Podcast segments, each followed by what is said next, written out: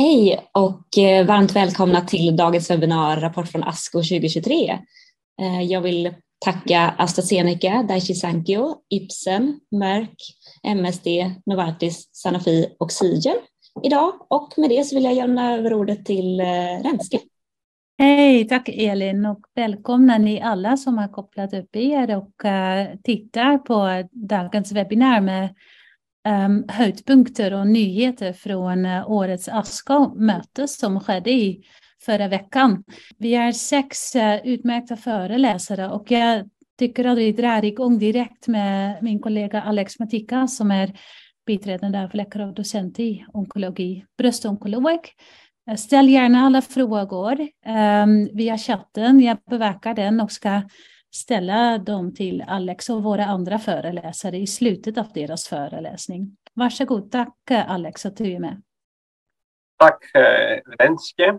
Eh, och eh, jag kommer att presentera fyra eh, kliniska studier som presenterades på ASCO.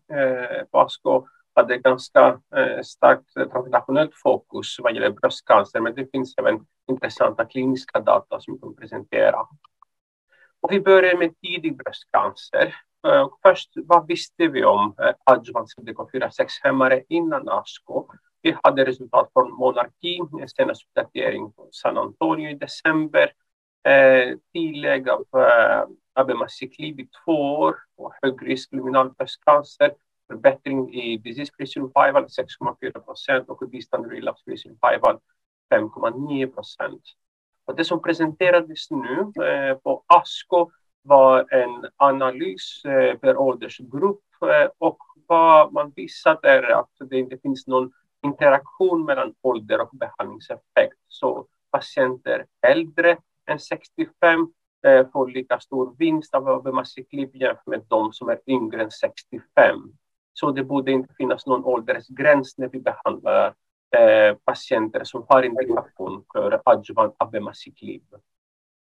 Och det, en eh, explorativ analys eh, var att eh, dosreducering inte påverkar resultat. Eh, när vi dosreducerar på grund av biverkningar då går det jättebra för patienterna. Behöver inte vara oroliga för dosreducering om det eh, görs eh, enligt eh, eh rutin och indikation. Sen eh, en annan viktig studie eh, som kommer vara praktiskt changing, inte just nu, vi saknar godkännande, men det kommer säkert, är Nathalie studien. Eh, en studie som inkluderade eh, drygt 5 000 patienter eh, och randomiserade eh, till antingen eh, adjuvant endokrinbehandling eller endokrinbehandling plus ribociclib 400 milligram eh, om dagen, tre veckor och en vecka av. Så lägre dosering jämfört med statdosering i tre år jämfört med två år eh, i monarki med abemaciclib. Och det var en breddare population i Natalin. Så 20 procent var stadium 2A-patienter, 28 procent var körtelnegativa eh, till skillnad från monarki. Eh, samtliga var körtelpositiva och 88 procent hade fått eh, eh, neoadjuvant eller adjuvant cytostatika. Studien var positiv för primary endpoint, bättre eh, disease free survival, en förbättring på 3,3 procent statistiskt signifikant efter ganska kort uppföljning, drygt eh, två år. Det fanns ingen subgrupp som inte får nytta av eh, adjuvant ribociclib. Stadium 2-patienter, eh, oavsett när man gav eh, cytostatika, neo eller adjuvant, och oavsett körtelstatus, ni ser här, även körtelnegativa patienter hade bättre DFS eh, tack vare ribociclib med hazard ratio 0,63. Och eh, som monarki i EKI 67 är prognostisk men det är inte prediktiv eh, för eh, nytta av eh, eh CDK4-6-hämmare. Distant disease free survival var också bättre med ribociclib, eh, 2,2 procent eh, förbättring. Och redan nu verkar det finnas en trend i förbättrad totalöverlevnad med hazard ratio 0,76. Eh, men det är väldigt tidigt, väldigt få händelser. 61 patienter som avlidit i ribociclibarmen och 73 i placeboarmen. Och jag nämnde att man gav lägre dosering, 400 milligram Eh, jämfört med 600 milligram som vi brukar använda för metastaserad eh, cancer. Så det var något lägre risk för grad 3 eh, neutropeni, 44 procent jämfört med 60 procent och lägre risk för QT-förlängning. Och den tredje eh, studien om eh, tidig bröstcancer var en EBCTCG eh, metaanalys, 25 randomiserade studier, 15 000 menopausala patienter och frågan här var tillägg av eh, ovarian ablation eller suppression. Så vad vet vi om eh, ovarial eh, suppression? Våra patienter, det är mest soft och textstudierna eh, som senast daterades nu i december i JCO. Och vi ser att det mest cytostatika behandlade premenopausala kvinnor och kvinnor under 35 års ålder som får nytta av eh, eh Eh, generationaloger plus tamoxifen eller generationaloger plus jämfört med tamoxifen monoterapi. Vad visste man här? Eh, så vad, vad visade man här? Eh, först patienter som får cytostatika och förblir premenopausala efter sin behandling eller patienter som inte får cytostatika får en jättenytta av generationaloger. Ni ser här en, en skillnad på 12 procent i Eh, risk för recidiv. Men även patienter som blir postmenopausala efter cytostatika verkar få en väldigt liten eh, vinst, 15 års risk för recidiv 1,3 procent höger sida. Tillägg av generationaloger förbättrar totalöverlevnad, förbättrar eh, bröstcancermortalitet och det fanns ingen, ingen risk, ingen ökad risk för död eh, utan recidiv. Man ser eh, en förbättring i riskrecidiv oavsett körtelstatus, så både körtelnegativa och körtelpositiva eh, får en, en jätteriskminskning eh, tack vare generationaloger. Och oavsett om eh, generationaloger ges som monoterapi, det brukar man inte göra numera, men eh, det verkar vara en effektiv strategi, eller när det blir tillägg med tamoxifen på höger sida, en förbättring i risk för recidiv 4,5 procent. Med andra ord, nu finns det ganska bra evidens att tamoxifen monoterapi är en svagare behandling jämfört med tamoxifen plus generationaloger på premenopausala patienter. Eh, även på patienter som inte fått cytostatika, med andra ord lägre riskpatienter. Eh, eh, någonting som soft och text, eh, och text inte hade visat. Så när det gäller tidig bröstcancer, då ser vi att adjuvant abemaciclib kan erbjudas och bör erbjudas även till äldre kvinnor över 65 Eh, självklart måste biverkningsprofil eh, övervägas.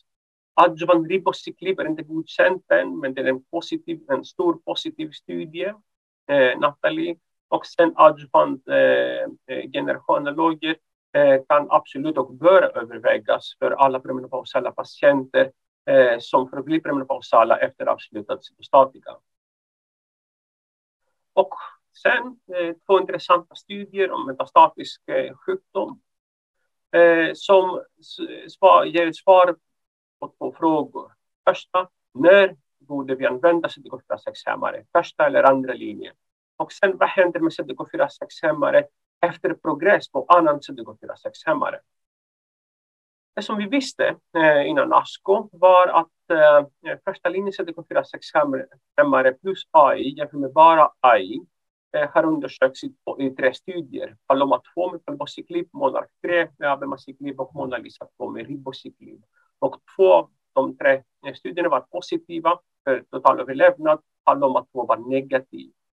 Och det som är intressant är att ganska få patienter i kontrollarmen fick eh, CDK4-6-hämmare i andra linjer. Det är knappt en tredjedel. Så det, och man, man förmodar att det kan ha eh, påverkat eh, resultatet. Och det är varför eh, man gjorde den här stora studien i de länderna, Sonja, där man inkluderade 1050 patienter till att antingen börja med CDK4-6-hämmare plus AI och sen vid progress fortsätta med sjukvårdsstrand. Eller att, att börja med eh, aromatashämmare och sen vid progress fortsätta med sjukvästran plus CDK4-6 eh, hämmare. Och primary endpoint var PFS efter två linjer. först, de visade att AI plus CDK46 hämmare i första linjen förbättrar progressionsfri överlevnad jämfört med bara eh, aromatashämmare, det, det vet man. Eh, så eh, redan från de eh, första studien som jag visade. Och det var precis samma resultat, cirka 25 månader PFS med AI plus DK4-6-hämmare och 16 månader med aromatashämmare i monoterapi. Det här är studiens primary endpoint. Progressionsfri överlevnad var inte bättre än när man började med CDK4-6-hämmare redan från första linjen. 31 månader jämfört med 26,8 månader. Det fanns ingen signal alls att totalöverlevnad är bättre när man börjar med CDK4-6-hämmare jämfört med att bara eh, erbjuda CDK4-6-hämmare vid progress, så i andra linjen. Hazard ratio 0,98. Och det fanns ingen subgrupp som eh, egentligen behöver behandlas eh, i första linjen med CDK4-6-hämmare. Som ni ser här, höger sida, eh, så det fanns ingen interaktion mellan någon subgrupp och behandlingseffekt. Med andra ord, eh, då kan man säga att det är klart, det är vissa patienter som kan och bör eskaleras till första linjens CDK4-6-hämmare plus aromatashämmare, men det kan inte betraktas som eh, de facto standard of care för alla. Sista studien som jag ville visa eh, handlar om CDK4-6-hämmare beyond progression. Vad visste vi innan ASCO? Då fanns det två publicerade eller presenterade studier. Eh, en med palbociclib, ACE-studie, och en med ribociclib, maintain-studie. De hade liknande design. Båda studierna eh, inkluderade eh, för behandlade patienter, men PACE med palbociclib var negativ 4,6 månader jämfört med 4,8 månader progressionsfri överlevnad Maintain var positiv 5,3 jämfört med 2,7 månader progressionsfri överlevnad. Och nu presenterades en till studie med palbociclib, Palmira-studien. Här hade alla fått bara en linjesbehandling, CDK4-6-hämmare plus behandling, ingen annan behandling, ingen, ingen cytostatika, ingenting. Och studien var negativ. Så nu har vi två negativa studier, både med palbociclib och en positiv studie eh, när det gäller CDK4-6-hämmare beyond progression. Så några slutsatser när det gäller metastaserad cancer. Sonja är den största randomiserade studien med CDK4-6-hämmare eh, som, publicerats, som presenterats någonsin. Och det visade ingen, ingen nytta eh, med att börja med CDK4-6-hämmare redan från första linjen. Det finns säkert subgrupper som bör behandlas i första linjen, men det verkar gå bra att deeskalera eh, för åtminstone vissa patientgrupper, till exempel kanske äldre kvinnor med eh, begränsad metastasering. En fråga här är om fulvestrant eh, fortfarande kan betraktas som standard of care i andra linjen alltså för CDK4-6-hämmare med tanke på albelisib, med tanke på kommande behandlingar som Capivasertib, kapitel och studien eh, publicerades nyligen i England och det var positivt oavsett biomarkörer. Och för en, en slutsats till när det gäller metastaserad cancer så CDK4-6-hämmare beyond progression eh, är, är fortfarande en öppen fråga. Två negativa studier med palbociclib, en positiv studie, tre små studier i alla fall eh, en större postmonark med Abemassikliber är färdiginkluderat och vi eh, avvaktar eh, dess resultat innan vi kan dra slutsatser. Och med det vill jag bara tacka er och eh, ser fram emot era frågor. Tack. Stort tack Alex eh, för en eh, bra och tydlig genomgång. Jag ser inga frågor i chatten, men eh, en sak som jag satt och funderade på i den där EBCDCT-analysen om ehm, um, Zoladex, Gosserelin. Hur, hur länge ehm, eh, um, användes Gosserelin i de där studierna och finns det en allmän rekommendation eh, som du brukar ge? Mm. Så det varierade mycket och vissa hade fått ovarian eh, ablation eller även operation så lite äldre studier, så det var permanent effekt. Och sen när det gäller goserelin eller triptorelin, man har använt mycket studier. Det varierade, det fanns studier med tvåårsbehandling, Astra till exempel. Och det, fanns, det finns studier med femårsbehandling, Soft och Text. Men några data med behandlingslängd mer än fem år finns inte. Mm. Så det är svårt att rekommendera någonting som är utanför evidens.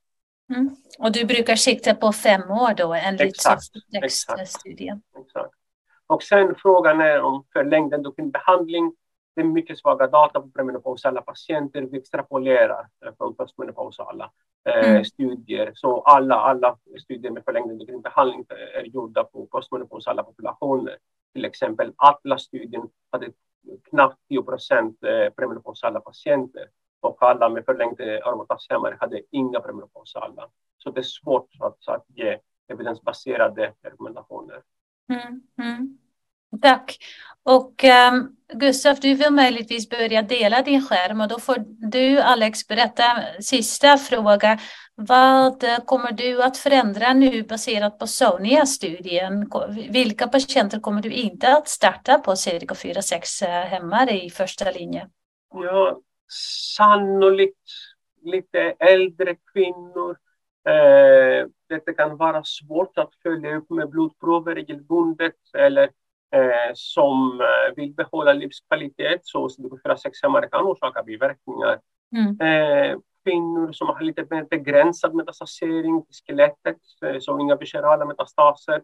Eh, en påminnelse, nu har vi data och CDK4-6 hämmar även patienter med visceral kris och är bättre jämfört med kombinationscytostatika enligt Wright-studien eh, San Antonio. Så jag skulle behålla CDK4-6 mest för patienter som har lite mer aggressiv eh, sjukdom. Så kort eh, eh DRFI eh, efter primär eh, behandling eller med viscerala metastaser gruppen som du aldrig kommer att starta för Strand, monoterapi som andra linjens behandling egentligen? Ja, som andra linjens behandling, så det, det är en bra fråga eh, faktiskt. Så vi vet inte hur eh, kapitacept godkännande kommer att se ut. Eh, så Capitello-studien visade att det går lika bra även för biomarkörnegativa patienter. Så om vi, om vi får en generell, ett generellt godkännande, då, då kommer det vara liksom för eh, de facto standardifiera i andra linje mm. Eh, och inte bara eh, bestämd monoterapi. Om man börjar med självklart med aromatashämmare monoterapi, då blir det CDK4-6-hämmare som tar så plats som kombination till fulvestrant. Men det, det, är en situation som utvecklas väldigt, väldigt snabbt nu. Vi får se. Ja, det kommer säkert fler uppdateringar senare exakt, i år. Exakt. Vi avslutar bröst eh, onkologi. Tack Alex igen och eh, välkommen Gustav Ullenhag som är eh, onkolog i Uppsala. Um, du kommer att uppdatera oss om melanom. Varsågod, tack att du är med. Mm, tack för möjligheten att föreläsa här och jag har då som vanligt deltagit virtuellt i mötet av miljöskäl. Och eh, först är det ju så att det här problemet eh, ökar faktiskt fortfarande det här är några hundra till då som vi har registrerat 2022 jämfört med 2021. Nu är det inte så lika många patienter då för en del är multipla, men tyvärr ökar incidensen klart fortfarande. Eh, jag tänkte då börja med ett par ovanliga undergrupper där behovet är eh, väldigt stort, bättre behandling. Och eh, först ut tar vi då en studie eh, som är blågul. Och det är eh, Roger Olsson Bagge som har lett den här. Och eh, den har gått på många ställen i Sverige.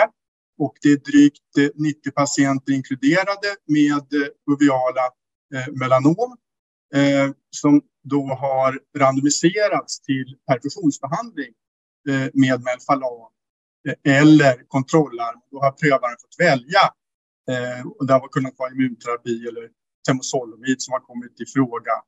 Eh, och det här är patienter som har haft just sjukdom i levern. Det är ju prediktionsställe vid proviala melanomen. Då har man inte i det här fallet fått ta sjukdom utanför levern dessutom. Och tidigare har det presenterats eh, klart signifikanta siffror för produktionsöverlevnad. Nu var det dags för det primära effektmåttet att presenteras och det var totalöverlevnad Eh, vid då två år. Och den var dessvärre negativ. Men som sagt, det här är en mycket eh, välgjord studie och eh, det här var ett abstrakt som valdes ut, så den här har fått mycket uppmärksamhet. Sen presenterades då eh, den studie som kom därefter, det vill säga Scandium 2-studien. Och det, den första då, Scandium, det var en liten fas 3. Det här är en fas 1 faktiskt, som är randomiserad som ni ser här. Eh, och då är det knappt 20 patienter med. Och i den första armen då börjar patienterna med eh, perfusionsbehandling eh, av levern och i den andra får man en omgång med kombinationsterapi eh, innan man får perfusionen. Så i det här fallet så ges perfusionen i bägge armarna. Eh, och eh, i, som ni förstår, det är en liten studie, så primärt effektmått med toxiciteten.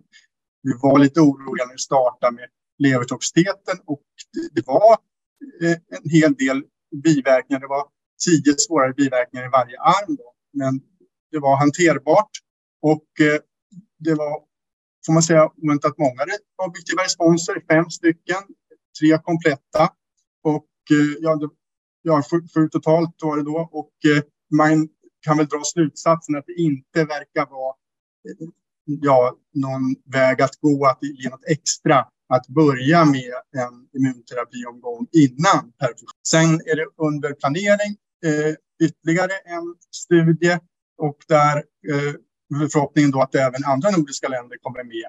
Och då är tanken att växla över till perkutan variant som är mer skonsam för patienten som ska vara lika effektiv vad gäller perfusion. Eh, sen har vi slemhinnemelanom då, eh, mukosala melanom och eh, det är en undergrupp där det är inte så mycket mutationer i den tumören jämfört med kutana. Och eh, det brukar inte vara så mycket immuncellsinfiltration heller. Och det talar emot att Eh, immunterapi effektivt och det, vad vi vet och så fungerar det sämre. Här var det en adjuvantstudie eh, och det här var i Asien för där är eh, mukosala melanom vanliga. Eh, och då var det eh, ungefär dubbelt så många som ni ser som fick eh, kemoterapi och så fick den andra gruppen då Piretten. Och det gick signifikant bättre för de som fick kemoterapi. Och det finns även en studie publicerad sedan tidigare att kemoterapi funkar bättre än ospecifik immunterapi. Men då kan man ju säga att det här är en asiatisk population och det här var ingen randomiserad studie utan det var faktiskt retrospektiv. Eh, så det här är ingenting som i nuläget kommer att, som jag ser det, få ändra några riktlinjer hos oss utan det krävs en prospektiv stor studie och eh, då gärna förstås med europeiska eh, patienter. Sen Eh, presenterades långtidsuppföljningen av den här registreringsgrundande studien. Då. Eh, första linjen, avancerat malignt melanom, eh, där relatlimab gavs i tillägg till PD1-hämmare. Och man kan säga att data står sig. Den progressionsfria överlevnaden den är fortsatt signifikant bättre med då LAG3-hämmaren relatlimab som tillägg till nivolumab mot PD1-hämmar singelarm. Däremot är det inte signifikant för OS och det har inte varit i tidigare uppdatering heller. Den här eh, drogen, när jag kollade på hemsidan igår på TLV så står det fortsatt att den är, ska bedömas. Det står inte ens under bedömning, så det här tar väldigt lång tid då. Men det borde komma snart tycker jag. Och tittar man då på lite undergrupper här. Det jag framför allt är detta med PDL1 det är mindre än 1 procent, så eh, verkar det vara extra bra att ge de patienterna. Och det är där som godkännandet ligger, där drogerna fått godkänt av EMA. Sen var det också uppföljning på den här studien eh, som är alltså då tjocka maligna melanom utan lymfkörtelspridning. Och eh, då har det varit analysering mellan Pirettemmare singel ett år eller då sockerpiller. Eh, och tittar man då nu på den här eh, eh uppföljningen, det man sa i diskussioner och prestationer var att ja, det står sig bra i uppföljningen. Det är faktiskt så att det, det det är lite bättre siffror nu. Va? Det är bättre siffror mot vad det var senast. Jag visade på den här bilden där vi har delat in patienterna i då stadium 2B, alltså tjocklek 2-4 mm med ulceration och över 4 mm utan ulceration och här 2C över 4 mm med ulceration. Och eh, då verkar det vara störst vinst i 2C och då ligger den på här vid en tre år eh, på en 12 procentenheter. Så det här är väl någonting vi får ta till oss i nationella gruppen och diskutera om vi möjligtvis skulle öppna upp för eh, indikationer, kanske framförallt på, på 2C. Samtidigt så kommer jag nu presentera eh, data som inte talar för adjuvant behandling. Och eh, det är ju så att vi har gett det här rutinmässigt sedan 2018 i Sverige. Men det är inte säkerställt att det här faktiskt, den här behandlingen förlänger överlevnaden på sikt. Och då med Hildur Helgadotter i spetsen så har vi gått igenom Svenska melanomregistret under ett antal år här och eh, tittat på hur det har gått för patienterna, den här kohorten, innan pedettämare introduceras adjuvant och efter. Då har vi två och ett halvt år eh, utan behandling här och sen de som under två och ett halvt år, de som har fått behandling. Och det här är ju de som primärt har diagnostiserats med stadium 3. De vi inte har med här är de som har återfallit sedan stadium 3. De har ju också kunnat vara föremål för adjuvantbehandling. Och då ligger som ni ser kurvorna typ helt på varandra. Melanomspecifik överlevnad, totalöverlevnad. Sen är det ju så att vi inte haft koll på vilka patienter som har fått adjuvantbehandling, enskilda patienterna. Vi behöver längre uppföljning här. Vi har inte heller håller register på återfallen i grupperna så att säga. Vad det gäller världen för övrigt så beräknas nu totalöverlevnadsdata för eh, pembrolizumab sockerpiller, den viktiga studien, komma först 2026. Det är för övrigt samma år som patentet går ut för pembrolizumab. Och BRAF-MEC-studien, Dabrafenib Tametinib, den kommer när som helst. Senast i slutet av juli i år ska de göra de totalöverlevnadsanalyserna. Sen kommer vi nu till, ja, jag tycker det här är det viktigaste eh, i melanom i det här mötet. Och det är eh, budbärar-RNA-vaccin. Eh, och då är det en studie där man har två till ett randomisering som ni ser, så två tredjedelar har fått den experimentella armen. Om man fått det här eh, vaccinet upp till nio omgångar ihop med piretthämmare och i andra så är det då kontrollarmen, då är det piretthämmare i ett år, för det här är alltså en adjuvantbehandling. Och då presenterades eh, signifikanta data, det var eh, återfall då, för två månader sedan på det stora amerikanska mötet, eh, AACR. Och nu presenterades eh, den fjärrmetastasfria överlevnaden. Och då är hasardratio, konstaterar man, är bättre för den än för övriga om man tar återfall som sådana. Då har man ju mer lokala. Så den fjärrmetastasfria får väl anses vara viktigare. Eh, och här är det så att man har då gjort ett nioepitopvaccin upp till 34 eh, neoantigenepitoper har man tagit fram för den individuella patienten. Det tar ungefär sex veckor att få fram det här. Och det är inte något problem med toxiteten. Så att det här följer förstås med eh, större studier. Sen övriga behandlingsstudier som presenterades var klart intresse. Det var en fas 2-studie här med den drogen Navitoclax som då ska hämma BCL2 som jag har här. För BCL2 hämmar apoptosen i tumörcellerna och då vill vi hämma BCL2. Och då la man till det till BRAF-MEC-hämmare, men det var inga signifikanta skillnader. Det är osannolikt då att det här går vidare till en större studie. Men det var ett bra försök tycker jag. Sen var det eh, några fall har presenterades ipilimumab plus temozolomid, högdosipilimumab, då patienter som har fått ipilimumab tidigare. Då såg man objektiva responser eh, även hos ett par patienter med CNS-spridning. Däremot har man inte presenterat någon tox, varken i abstrakt eller i, i då själva posten konstaterar jag. Och vi har ju, får inte glömma den här stora fas 3-studien där vi gav Dacarbazin, den intravenösa Eh, motsvarigheten till temozolomid, gavs ihop med ipilimumab. Och det funkar ju faktiskt sämre än ipilimumab. Och sockerpillervinsten var mindre så att säga. Så att vi, vi får se vad det här... Jag, jag, tror inte riktigt på det här konceptet ändå. Det var två patienter. Sen har vi det här med eh, rehabbehandling med BRAF hämmare Om man har progrederat på det och så får man något annat emellan, tiden går och så. Och då kom man upp i 38 procent objektiva responser faktiskt. Det var ingen korrelation till hur länge man hade varit utan behandling. Tycker jag var konstigt. Tycker man borde vara det tycker jag. Och sen så var det en studie här, man tittade på patienter med tumörer som har förlorat HLA klass 1. Kan de svara på pdf-hämmare? Då förekom det objektiva responser. och Då har man tittat på en patient som svarat riktigt bra. Och då kan man ju tro att det är kanske NK-cellerna som tar över istället för T-cellerna och gör jobbet. Men det var inte mer NK-celler i tumören för den patienten. Sen var det en studie här med, tittade på stressen eh, för patienten. Och då mätte man den innan start av behandling. Och eh, det var kombinationsimmunterapi och det var eh, neoadjuvant. Eh, och eh, det var då signifikant sämre utfallsmått vad det gällde återfall och objektiva responser. Så att sen eh, måste man verkligen försöka kontrollera för allting vad det här beror på om de får lägre doser eller vad det är. Men det hade man försökt göra med signifikanta samband, de fann i alla fall. Och sen är det väldigt viktigt med det här med biverkningar, inte minst i adjuvantbehandling. Och vi vet inte riktigt hur är det på sikt eh, efter hur, vad händer? Vi vet inte när patienten har följt så länge i studierna.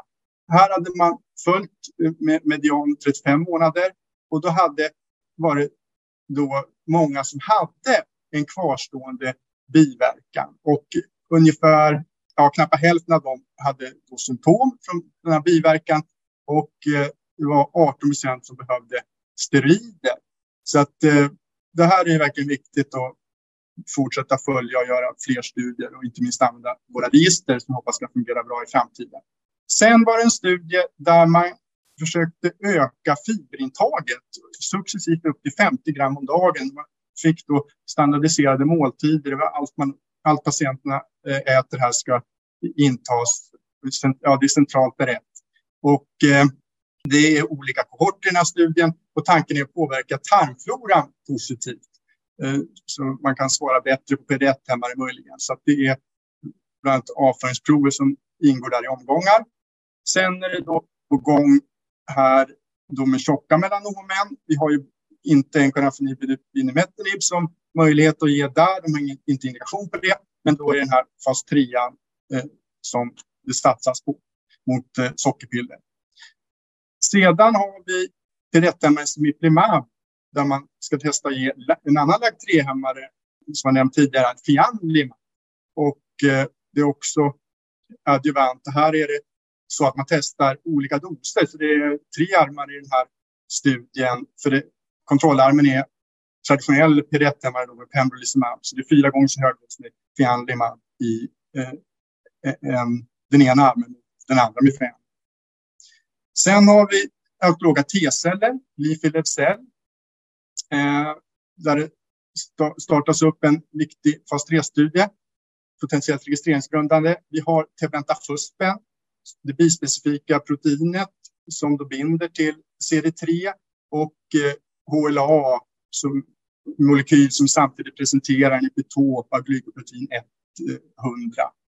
Eh, så här måste man ju testa patienterna att de har HLA 201, ungefär 50 procent har det. Om man har dubbla primära effektmått. Eh, det ena är OS, då, totalöverlevnad, men sen har man också där hur man svarar på cirkulerande tumör. Ja, det går ner ordentligt. Sedan har vi det här med eh, Fianlimab igen då, eh, i den eh, avancerade situationen. Och eh, om man sammanfattar det här mötet Eh, då skulle jag vilja säga att det var intressanta och viktiga eh, prestationer av långtidsuppföljningar. Och som jag nämnde så tycker jag att det här med mRNA-vaccin, det är något extra och det kan ju få effekter så småningom för andra tumörgrupper. Sedan var det roligt med flera svenska viktiga bidrag och sen kunde vi konstatera att det var en mängd intressanta studier under uppstart. Stort tack eh, Gustav. Det kom en fråga innan vi går vidare till uroonkologi med Ingrida Verbiene och det är um, Maria Sandström som skriver Gustav hade alla patienter i perfektionsstudien, uh, eh, hade alla patienter levermetastaser eller är det perfektionen att betrakta som adjuvant? Alla har levermetastaser. Skillnaden som jag försökte nämna var att i den här första studien då fick man bara ha eh, levmetastaser. I andra då så eh, kunde man ha spridning för övrigt. Stort tack att du var med eh, Gustav. Och då byter vi ämne till uroonkologi med Ingrida Verbienen som också är onkolog i Uppsala. Ja, jag jobbar också på Akademiska och jobbar med uroonkologisk cancer. Och på den här kongressen, det var, jag tyckte det var mycket mycket mer än det brukar vara på vanlig ASKO. Annars det är hela information kommer på ASKO GO. Så jag har valt det som jag tycker är eh, mest intressant och som kan kanske ändra vår praktis, praxis. Och då är på prostatacancer jag har valt studie PIS 1 och den eh, klarlägger roll av strålbehandling vid metastaserad hormonkänslig prostatacancer. Sen på urotelialcancer, jag har valt två och det är TOR 1, det är fas 3-studie med erdafitinib som var presenterad på plenary session som praktisk, praktik changing. Och sen Vesper adjuvantstudie som vi alla följer med i många år. Sen på njurcancer, det kom ju jättemånga uppdateringar och fina presentation, men jag har valt eh, att eh, koncentrera mig nu på icke-klarcellig cancer, för det har varit fantastisk, fantastiska tre studier och presentation av Manuela Schmiding. Så vi börjar med prostatacancer. Э, den första som vi ska prata om det är ju strålbehandling för eh, cancer som är redan metastaserat. Och eh, här presenterades data från PIS-1-studie, det är fas 3-studie. Eh, och man har analyserat roll av strålning vid low volym och high volym spridning av prostatacancer. På den här kongressen presenterades data från low volym prostatacancer. För att bara påminna vad det är, PIS-1 det är studien som har väldigt konstig randomisering och det är ju fyra armar. Den har startat 2013 och standard of care, en arm eh, kan innehålla bara generanalogen eller även taxoter. Sen finns en arm som är standard of care plus abiraterol. Och sen de som är intressanta för oss som händer mycket, det är standard of care plus lokal radioterapi eller standard of care plus abirateron och radioterapi. Och då, eh, det är ju ganska många patienter, det är ungefär 300 i varje arm. Och om man tittar på eh, själva patientpopulationen, så vi kan se att i den här studien, det var ju alla som är metastaserade med hög eller låg volym. Och det kan ju bli flera olika metastaser. Så vi går vidare. Så det, i den studien Standard of Care som jag nämnde är ju generanalogen och plus minus docetaxel, för den infördes 2015 och studien började 2013, så det är lite blandad grupp. Och sen experimentella armen var tänkt tillägg av byrateron och tillägg av radioterapi. Och idag presenteras data tillägg radioterapi. 74 grej på 37 fraktion. Samma studie som i den här upplägget har redan presenterat för oss data om docetaxelsnita. Och från den här studien kom ju trippelbehandling som vi har standard idag. Att vi kör abirateron och docetaxel i tidigt stadium. Så nu ska vi prata om strål. Och det som man har fått i den studien, man har fått att radiologisk progression free survival i low volume grupp är bäst om man får standard of care plus abirateron plus strål. Så om man tittar på standard of care, den blå, införande av abirateron höjde upp tid till progression och införande strålning höjde lite till. Så vi ser absolut att det har nytta vad det gäller lokal kontroll Men om vi tittar nu på overall survival, då är det ingen skillnad mellan standard of care och abirateron, det som är dagens standard, och standard of care abirateron plus radioterapi. Och det är ju konstigt, för att det går emot det som vi vet.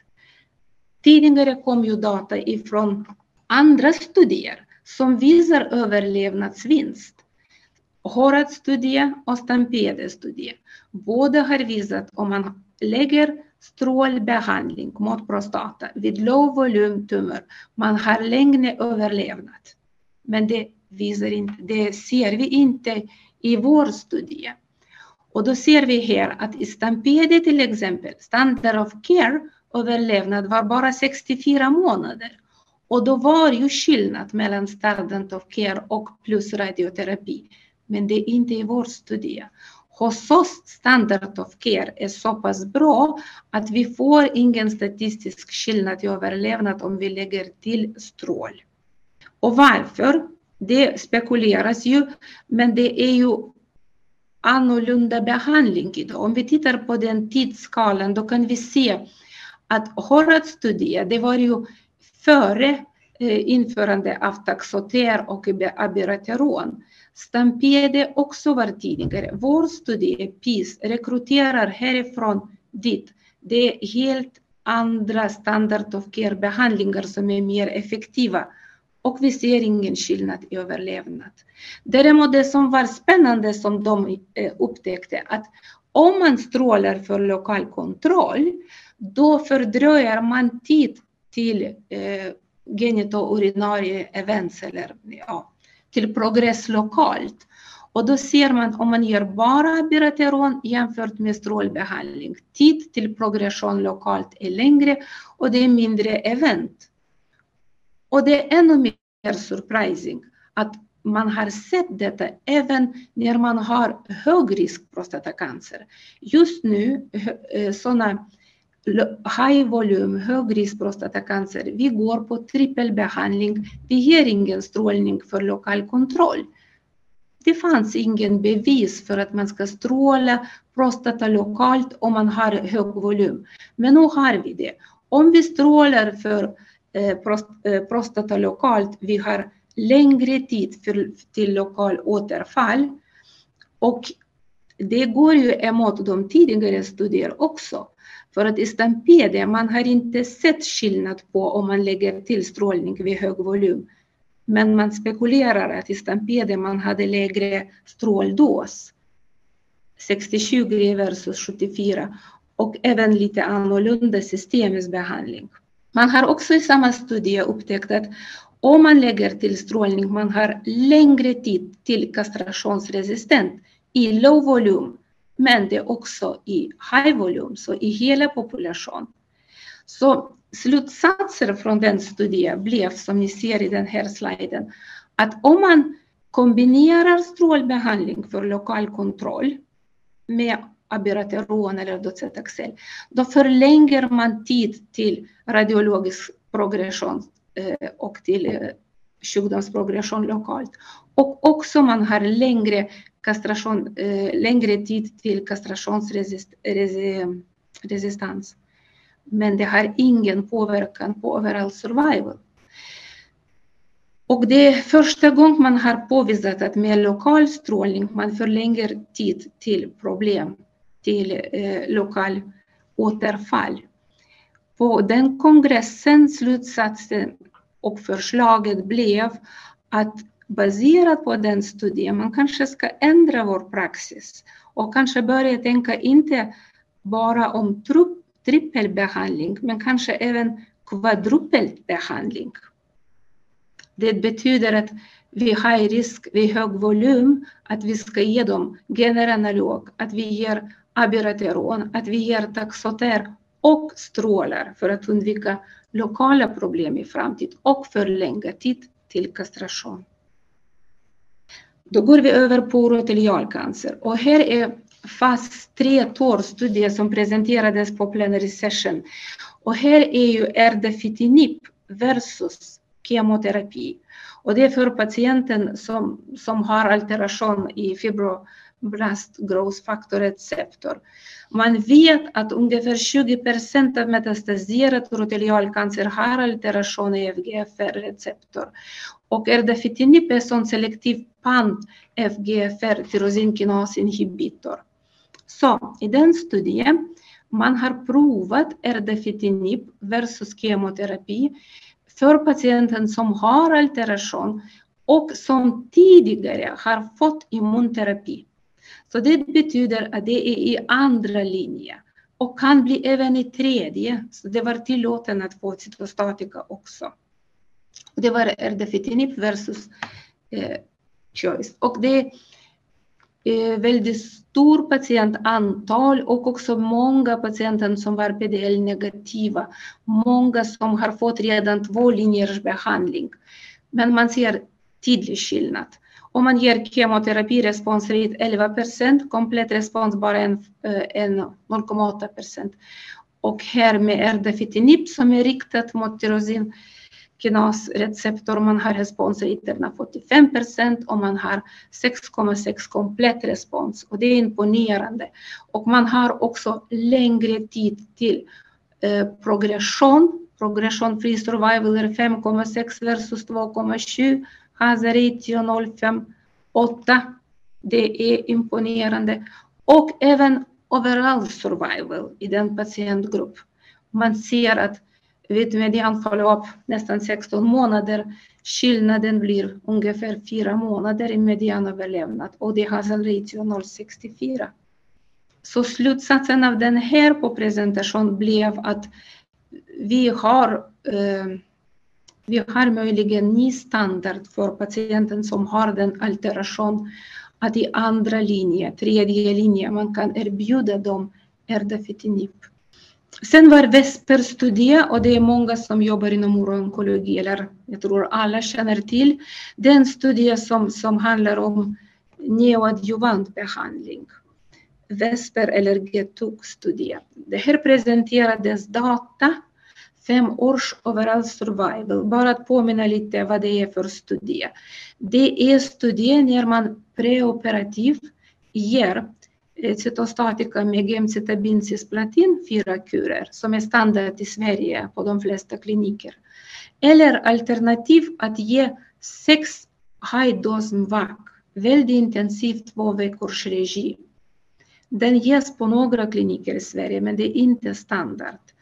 Och då eh, är det väldigt toxisk behandling. Så man har valt att jämföra e G4 eh, GC eller 6 Mbac. och det var 500 patienter som blev inkluderade. Och den största delen var ju sådana neoadjuvanta, det var inte många adjuvanta. Första data från den här studien är redan presenterat, progression free survival eh, tre år. Och idag, eller nu presenteras data overall survival vid fem års. I den studien, om vi tittar på neoadjuvant, då fick ju 120 patienter VAC, 134 gemzarcisplatin. Och trots att det var väldigt toxisk behandling, 60 procent kunde genomföra sex high DOS VAC. Och över 90 procent gick till operation, så det var ingen fördröjning. Självklart, det var mycket biverkningar.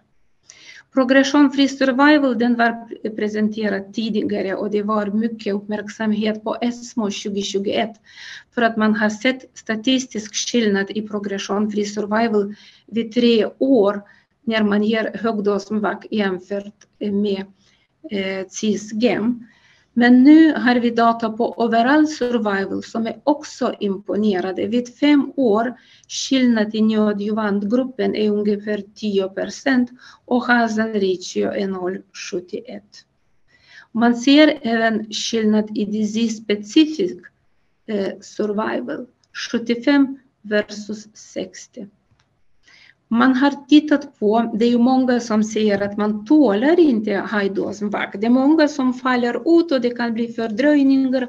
Man kan inte operera, men så var inte fallet i studien. Det är jättemånga, 60 procent har fått sex vac. Men man har delat patienter i grupper. De som har fått få vac, de som har fått mindre än fyra vack, som har fått fyra cisplatin och som har fått mer än fyra vack. Man har delat i olika grupper beroende på hur mycket cisplatin man har fått. Och då ser man att om man får fyra och fler MVAC, man har bättre än man har om man får full dos cisgemzar. Overall survival är bättre. Så vår slutsats skulle ju kunna vara att det skulle kunna vara ny standard att ge högdosvak om det är möjligt. Kliniskt är ju svårt för att våra patienter är inte så unga och inte så starka. Men de som, som är yngre, som är starkare, då kanske det skulle vara standard i neoadjuvant stadium. Och sen var ju från blåscancer var ju flera studier. Det var ju studier som pratade om limkörtlar, eh, extirpation, eh, Eh, som visade att om man tar bort bara begränsat antal limkörtlar vid cystektomi versus utvidgad, det var ingen skillnad. Det var uppdateringar av Javelin 100, Invigor, flera studier, men vi kan inte gå igenom allt. Så njurcancer, här var också flera uppdateringar.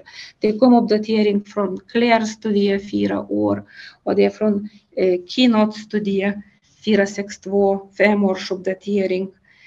Så det, det, är flera större uppdateringar som ni kan titta om ni är intresserade. Jag ska prata om non-clear cellkarcinoma. För att för oss som urologen, om vi har cancer som är inte clear cell inte klart cellkarcinom, då är det problem i klinisk praxis. Och här hade vi tre studier och sammanfattningen var gjord av Manuela Schmidingen, en av mest framstående uroonkologen i Europa. Så det var tre studier som presenterades eh, när man tittar på behandlingen eh, på eh, icke-klarcellig njurcancer. Den första, I den första studien, Kinot B61, man har Eh, jämfört Levantinib pembrolizumab, som vi vet är väldigt bra på klarcellig njurcancer. Och man har sett, eh, man har analyserat hur det funkar på icke-klercellcancer. I den andra, man har genomgått databas ifrån Eh, international Metastatisk Renal Cell Carcinoma Consortium. Man har gått igenom databas för att se betydelse av immunoterapi när man har sarkomatoid eller rhabdoid tumör. Och i den tredje abstrakt som presenterades och studien som diskuterades, man har tagit upp trippelbehandling, att man ger nivå i pilibumab plus cabozantinib. Extra stark i hoppet att man har starkare effekt på de icke klarcelliga njurcancer. Så den första, lenvatinib pembrolizumab som är vår standard på klarcell njurcancer. Här kollade man på icke klarcell njurcancer. Och det var många patienter som var i favorable riskgrupp, men det, det var ju en del som var också mer än halva som var inte favorable. Och då jämförde man i den eh, fas 2-studie Pembro och Levantin, eh, Levantinib, eller analyserade. Och då såg man, man fick ganska bra resultat. Man har responsrate på icke klarcellig njurcancer på 49 procent. Och man har även kompletta respons progressive disease 17. Det är, man kan ju se att det är inte tusentals patienter, men det är sällsynta grupper. Och man har sett responser i alla grupper som man hade. Och även i kromofob cancer som är väldigt svårt att behandla. Och de som responderar, ni ser ju tre fjärdedelar fortfarande responderar efter 12 månader fina data i hela gruppen på progression free survival, overall survival. Och slutsatsen det blev av de, eller manuella och de andra som diskuterade, att det kanske vi har ny standard för patienten som är, är icke klar till njurcancer, att vi kan ha standard Levantinib pembrolizumab. Det finns ju också data på Nivo Cabo som vi använder just nu. Men just på kromofob cancer, just på kromofob, det ser ut att det fungerar väldigt bra.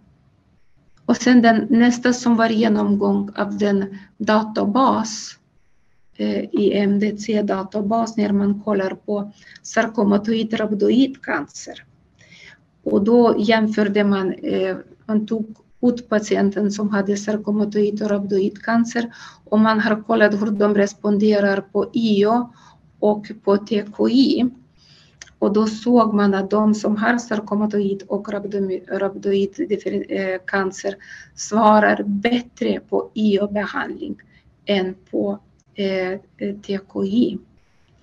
Och det har man ju sett i responserna i flera grupper.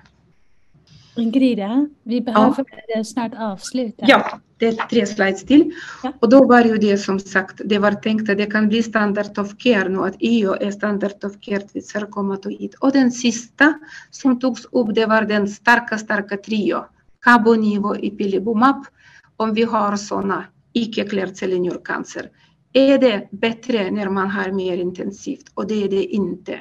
Så det blev mer tox än man tar bara Nivo Cabo, men det var inte bättre respons. Det var det. Tack. Stort tack. Jag, ehm, jag, jag ser inga frågor i chatten och jag tror att vi fortsätter med GE-onkologi med en gång eh, med Jan-Erik Fredin. Stort tack Ingrid för väldigt fin och pedagogisk översikt av, uh, av uroonkologi från ASKO i år. Tack. Att Jan-Erik nu försöker få, försöker få upp sina bilder.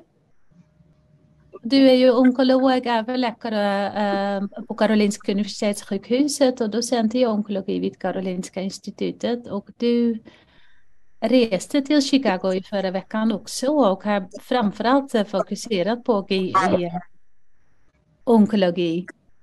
Varsågod Jan-Erik, stort tack att du är med. Tack så mycket. Eh, som sagt var, i onkologin det fanns det en hel del spännande som alltid. Det var ingen kioskvältare, men eh, det är en hel del smånyttigt. Eh, och jag börjar nerifrån. Eh, rektalcancer, det är en uppdatering av eh, Prodigy som presenterades för ett par år sedan. Eh, kort, samman, kort rekapitulation så var det då eh, lokalt avancerad rektalcancer. 461 patienter inkluderade. Det var standardbehandling, alltså kemoradioterapi, eh, kirurgi, TME-kirurgi och adjuvant cytostatika och experimentarmen visade då eh, med sex cykler, tre månaders eh, modifierad Folfirinox före radiokemoterapi, TME-kirurgi och eh, ytterligare sex cykler med vanlig Folfox.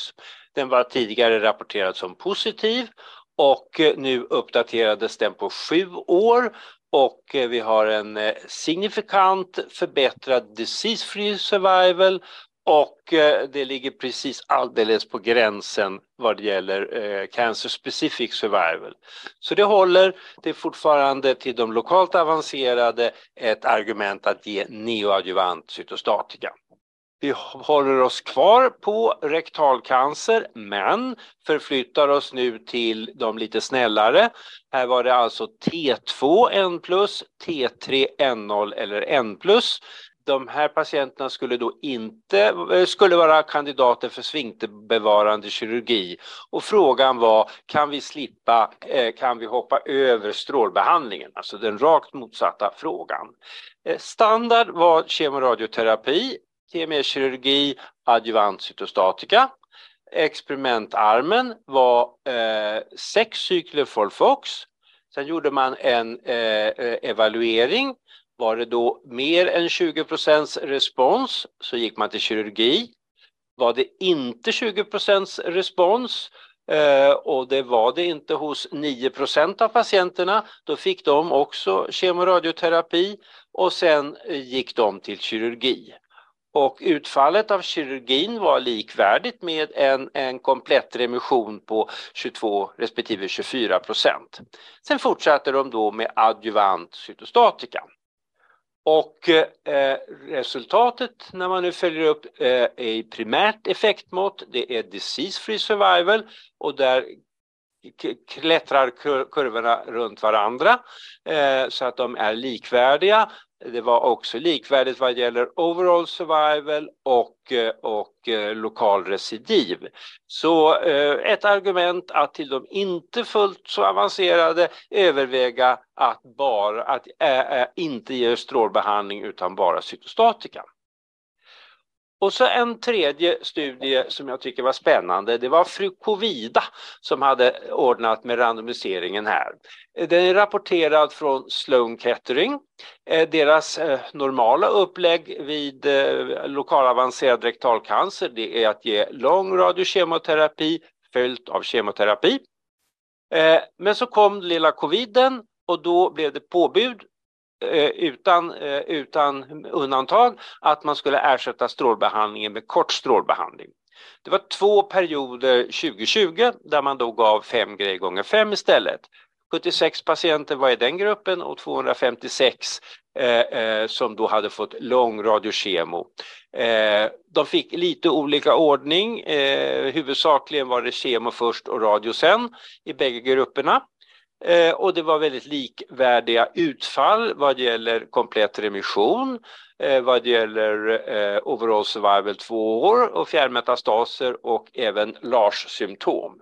Men det fanns en skillnad. Och det var eh, TME-fri överlevnad, alltså de som hade sluppit operation, där de med lång radiokemoterapi eh, var det 40 procent som inte behövde opereras mot 29 procent.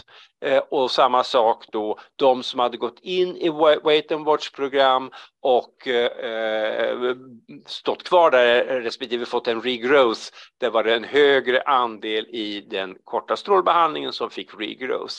Och då kan man säga att det är samma data som vi känner igen ifrån vår egen Rapido-studie, eh, att 5G gånger 5 verkar inte riktigt att vara tillräckligt för att eh, hålla nere lokalrecidiven. Så en trappa upp eh, finns kolon och det här är då en neoadjuvant studie, skandinavisk utgång från Danmark. Eh, och eh, det var då avancerad koloncancer, T3 eh, med utväxt eller T4. Och de randomiserades antingen till standardarm, kirurgi, eller experiment, då fick man neoadjuvant cytostatika, tre cykler Capox. Det här känner vi ju väldigt väl igen ifrån Foxtrot-studien och Foxtrot-studien visade ju en vinst med den neoadjuvanta cytostatika. Sen gick de till kirurgi som sagt och den adjuvanta cytostatikabehandlingen var icke bestämd i protokollet utan baserades på TNM-utfall i operationspreparatet. Och tittar man på resultaten vad gäller disease free survival och overall survival så eh, är det då ingen skillnad, ingen effekt till skillnad då från Foxtrot. Och grottar man ner sig lite grann så tror jag att det är viktigt att titta på mängden cytostatika. Här fick man i den neoadjuvanta gruppen så fick man ju då tre cykler innan. Eh, men eftersom eh, den adjuvanta behandlingen styrdes av operations-TNM eh, så fick man då mycket mindre adjuvant cytostatika i den armen. Och eh, både i antalet cykler postoperativt men också i antalet cykler totalt. Och, eh, min hypotes personligen är att det är detta som stökar till det, att man har eh, låtit sig styras av postoperativt TNM när all evidens är uppbyggd på TNM utifrån patienter som enbart är opererade.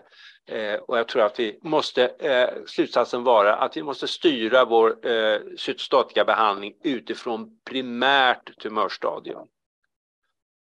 Vi klättrar uppåt. Ny skandinavisk studie, eh, utgången från Norge. Nu är, handlar det om pankreascancer och frågeställningen är densamma, neoadjuvant cytostatika. Det har ju diskuterats länge eh, och eh, i den här studien inkluderade man då patienter med en resektabel eh, tumör enligt gängse kriterier. Det fick inte vara någon artärpåverkan och en begränsad venpåverkan, ingen metastasering förstås, och i gott allmäntillstånd. Randomiseringen var standard, det vill säga kirurgi följt av adjuvant, 12 cykler modifierad folfurinox Eh, alternativt att man eh, gjorde då en ultraljudsledd punktion eh, eller biopsi för att eh, verifiera tumören. Eh, man gjorde stentavlastning där det behövdes eh, och gav dem fyra cykler Folforinox eh, och sen operation och sen åtta cykler eh, adjuvant. Eh, och tittar man på utfallet vid operation så ser det ju lite uppmuntrande ut. Eh, vi har en högre andel, även om inte siffran är signifikant, så finns det flera i den neadjuvanta gruppen som får en R0 respektive N0. Så so far so good. Men sen var det inte lika roligt längre. Därför att eh, tittar man på medianöverlevnad så är den eh, neoadjuvanta gruppen, det är den röda linjen det, det är den som klättrar här nere. Och kirurgi direkt, det är den blå linjen. Och eh, overall survival vid, eh, vi, eh, eh ligger på 25 respektive 38 månader. Så det var mungiporna ner här. Och eh, om man tittar lite närmare så det är ju en rätt liten studie. Eh, tittar man på den neoadjuvanta gruppen så eh, har då 83 procent startat sin behandling. Det var några som inte lyckades med biopsin och, och några utvecklade metastaser. Eh, det är en relativt låg andel som har eh, genomfört de där eh, fyra cyklerna Folfirinox. Eh, det är en likvärdigt stor grupp som har kommit till resektion, som startar adjuvant behandling och eh, som fullföljer adjuvant behandling. Men sen kom, det var inte presentatören själv utan det var referenten som plockade fram dessa data eh, som jag tycker är rätt anmärkningsvärda. Och det är när man tittar på den adjuvanta behandlingen. Det var alltså skrivet i protokollet att det skulle vara modifierad Folfirinox.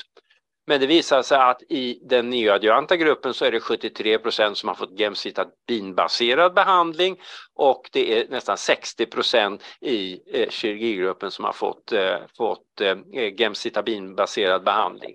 Och eh, jag undrar om inte här ligger en del av förklaringen i varför vi får ett dåligt utfall på den neoadjuvanta behandlingen. Eh, och referenten slutsats var att den här eh, studien skulle inte skälpa konceptet utan vi skulle avvakta ytterligare studier som pågår. Vi klättrar uppåt eh, till gallvägarna och eh, där var det tre studier som jag tyckte är värda att, att diskutera om eh, HER2-positiv sjukdom. Det är sådär ungefär 20 procent som är HER2-positiva. De fördelar sig inte jämnt eh, utan det vanligast förekommande är gallblåsorna Eh, och eh, därefter är det de extrahepatiska tumörerna medan de intrahepatiska, där är det en ganska låg andel som är HER2-positiv. Den första studien det är en första linjestudie. Den kommer från Indien. Där hade man eh, screenat 876 patienter och man hittade då 13,4 procent som hade här två överuttryck. Eh, och eh, i Indien är eh, gallblåsan väldigt dominerande så det var det så här också, 96 procent var gallblåsecancer. Man gav dem då standardbehandling Gemcis med tillägg av trastuzumab. Det är en fas 2-studie och eh, hypotesen är att man då ska öka eh, progressionsfri överlevnad vid 6 månader från 40 procent till 60 procent. Och det lyckas man med. Man fick en PFS eh, på till och med 76 procent. En PFS på ett år på 27 procent och en medianöverlevnad på eh, åtta månader nästan. Eh, och eh, en sjukdomskontroll på 76 procent. Så det var ett eh, mycket uppmuntrande resultat. Man gjorde lite subgruppsanalys och såg att det verkade som de här som hade en TP53 mutation verkade att svara sämre. Eh, så det var väl ett observandum. Det var ytterligare som hade fördjupat sig i HER2-positiv sjukdom. Nu är det andra linjens behandling. Eh, där man då i en korgstudie så ingick det 30 patienter eh, med gallvägscancer, hälften blåsa och eh, sen intra och extrahepatiskt. Man gav trastuzumab i kombination till, med eh, tucatinib som är en specifik HER2-inriktad TKI. Eh, och eh, tre veckors cykler som fortsatte till progress eller toxicitet imponerande resultat. Det här är andra linjen vid gallvägscancer. Eh, overall respons på 47, nästan 50 procent inklusive en komplett remission. Eh, progressionsfri överlevnad 5,5 månad och overall survival på 15,5 månader. Som sagt i andra linjen. Och det fanns en till studie som hade angripit samma grupp av patienter, eh, alltså HER2-positiva i andra, eh, eller rätt sagt i andra pluslinjen. Det var ända upp till sju linjers tidigare behandling eh, i, i, den här studien. Eh, det var 87 patienter inkluderade, också här då dominerande med gallblåsa. Man delade in dem i två kohorter eh, där kohort 1 hade då ett starkt eh, överuttryck av HER2, 2 plus och 3 plus och kohort 2, det var bara sju patienter, där hade man ett svagt uttryck 0 eller plus 1. Och behandling i två veckors cykler, också här till progress. Och eh, väldigt likartade resultat. Om man tittar i kohort 1, alltså de med ett starkt eh, eh här två överuttryck, då är det 41 procent eh, eh, svar. Vi hade 45 i den andra studien.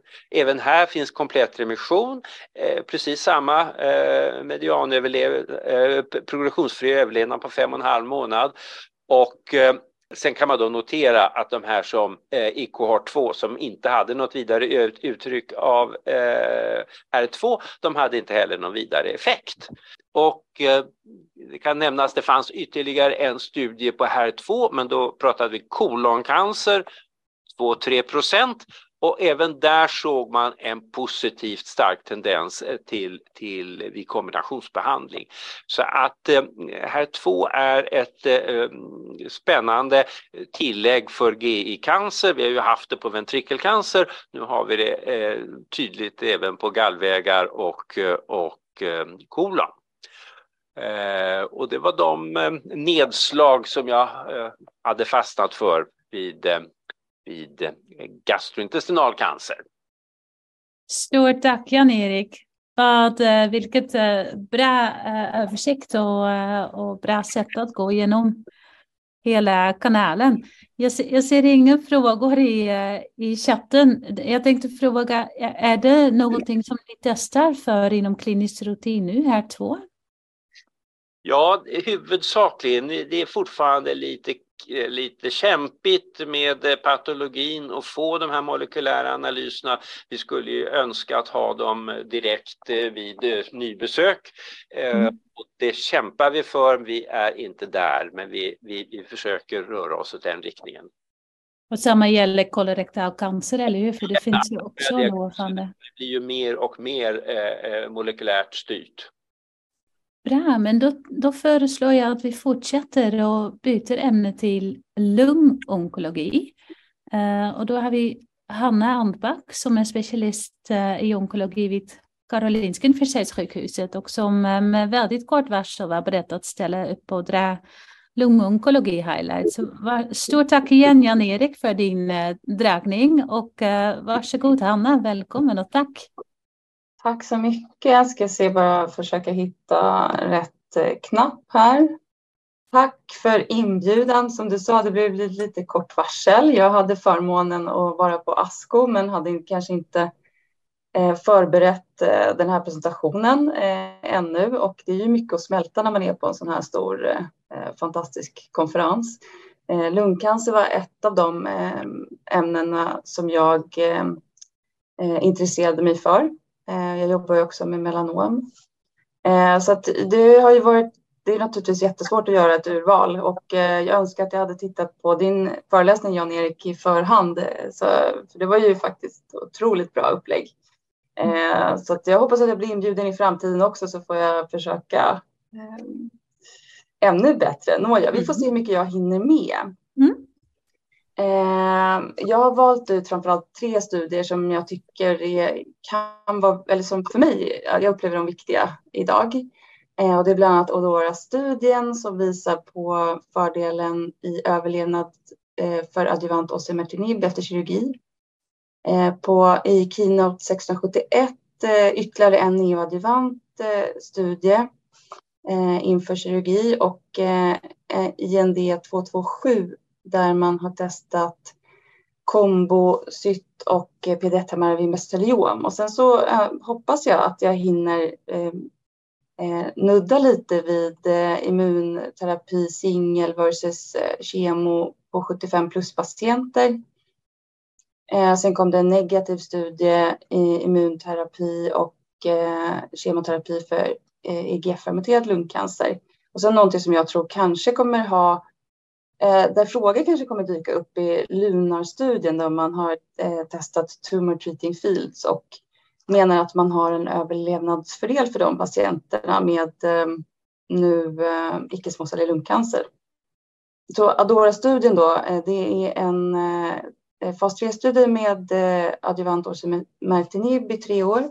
Vi har tidigare sett sjukdomsfri överlevnad efter radikal operation. De har eh, en, en del av dem har fått adjuvant cytostatika men inte alla.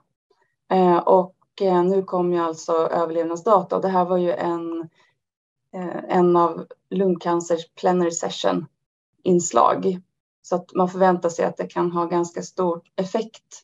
Kanske inte så mycket i Sverige, men det är ju något förväntat, de här resultaten. Om man tittar på de som hade nytta av den här treårs tre års eh, osteometinib så är det i princip över hela, över hela gruppen. Så nu är det några enstaka som eh, kommer över ett i eh, hazard ratio.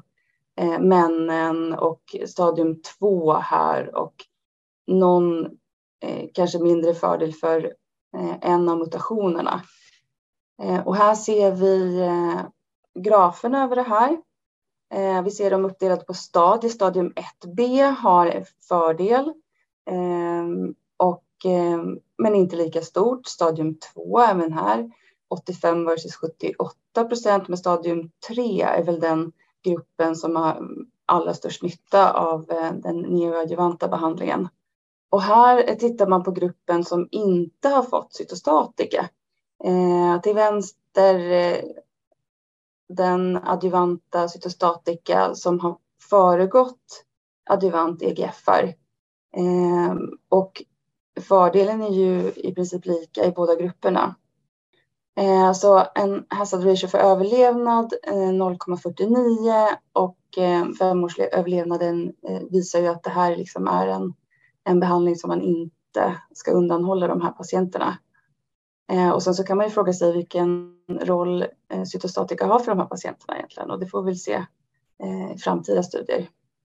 I Keynote 671 så har man, det är ytterligare en neoadjuvant studie ehm, och en eh, randomiserad dubbelblind studie där patienterna har fått eh, cytostatika, platinumdubblett enligt eh, standard of care plus minus pembro eller placebo, blivit opererad och sen fått pembro maintenance i upp till två år. Det är stadium 2 till 3B. De har ju gått allmänt tillstånd naturligtvis och primära utfallsmåttet är E- event free survival och eh, sekundärt är ju major eh, pathological response och eh, complete response och säkerhet naturligtvis. Det är nästan 800 patienter och de är stratifierade utifrån olika kriterier, bland annat PDL status, stadium, histologi och ehm, ehm, om det är en asiatisk population eller inte.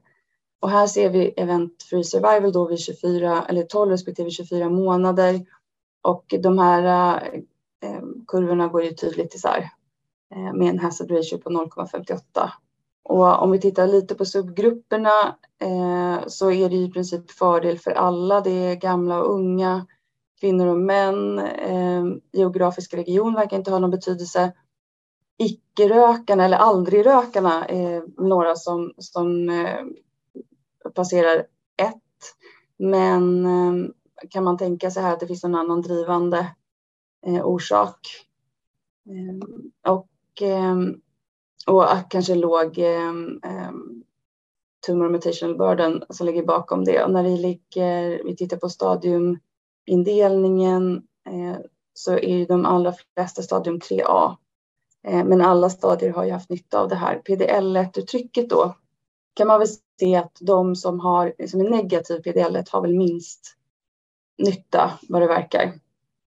Men de eh, EGFR-muterade är väldigt stor spridning men det är också ganska få av dem i den här gruppen. Och så tittar vi på eh, pathological complete response som skulle ju kunna vara då en, en proxy för att se om den adjuvanta pembrodelen har av nytta eller inte. Eh, så ser man att det är ju naturligtvis en fördel för de patienterna som har pathological complete response men även de som inte har det har nytta av den här neoadjuvansen då i event-free survival.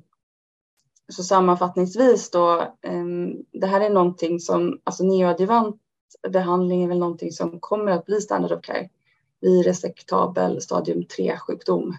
Eh, och störst nytta var det för de patienter som hade ehm, var positivt BDL1, eh, lite oklar nytta för aldrig rökare och EGFR-muterade och det kommer att bli mycket intressant att se framgent hur, när de här data mognar.